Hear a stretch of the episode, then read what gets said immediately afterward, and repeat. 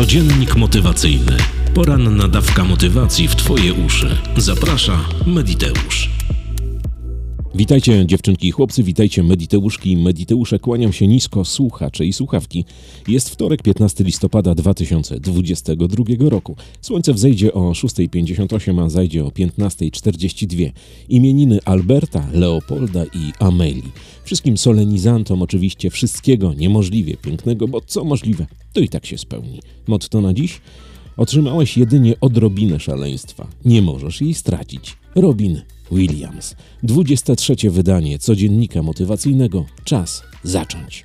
Do mojej mailowej skrzynki wpada dziennie kilkadziesiąt maili. Ja bardzo lubię czytać maile od Was, ponieważ wypełnione one są Waszymi historiami, Waszymi zmianami, wszystkim tym, co udało Wam się zrobić dzięki rozwojowi osobistemu, gdzie dojść i co pozmieniać w swoim życiu.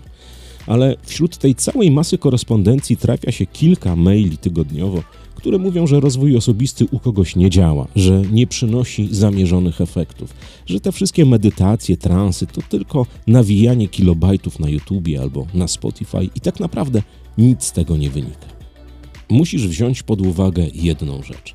Do rozwoju osobistego, do zmiany, do wszystkich programów, które pozwalają na wywrócenie swojego życia przynajmniej o 180 stopni, przychodzą ludzie za przeproszeniem pokopani przez życie. Przez cały czas, kiedy funkcjonowali do tej pory, coś w ich życiu nie klikało. Nie mieli pracy, nie mieli miłości, pieniędzy, mieli słabe relacje międzyludzkie i tak dalej, i tak dalej. Wymieniać by długo. I bardzo wiele mediteuszek i wielu mediteuszy rzuca się od razu na wszystkie patenty, które znajdą w przestrzeni internetu. Dokładnie wszystkie.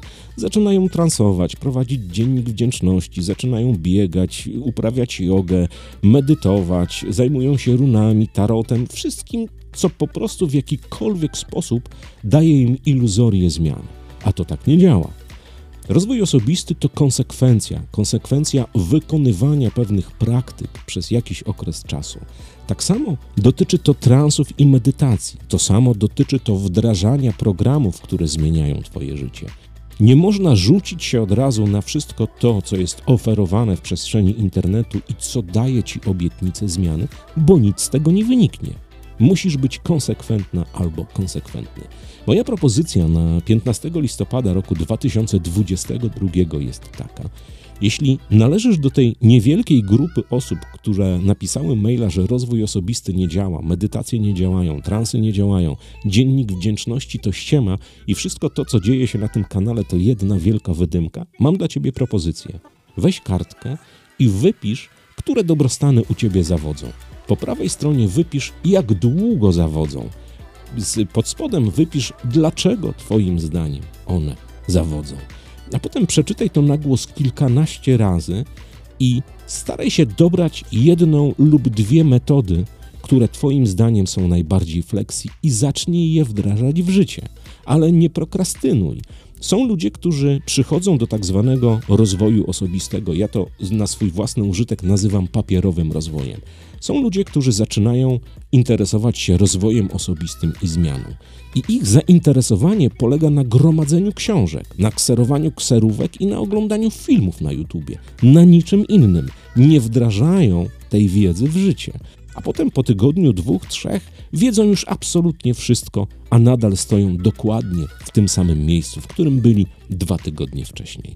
Więc konsekwencja. Wybierz jedną, dwie metody, które chcesz wprowadzać w swoje życie i realizuj.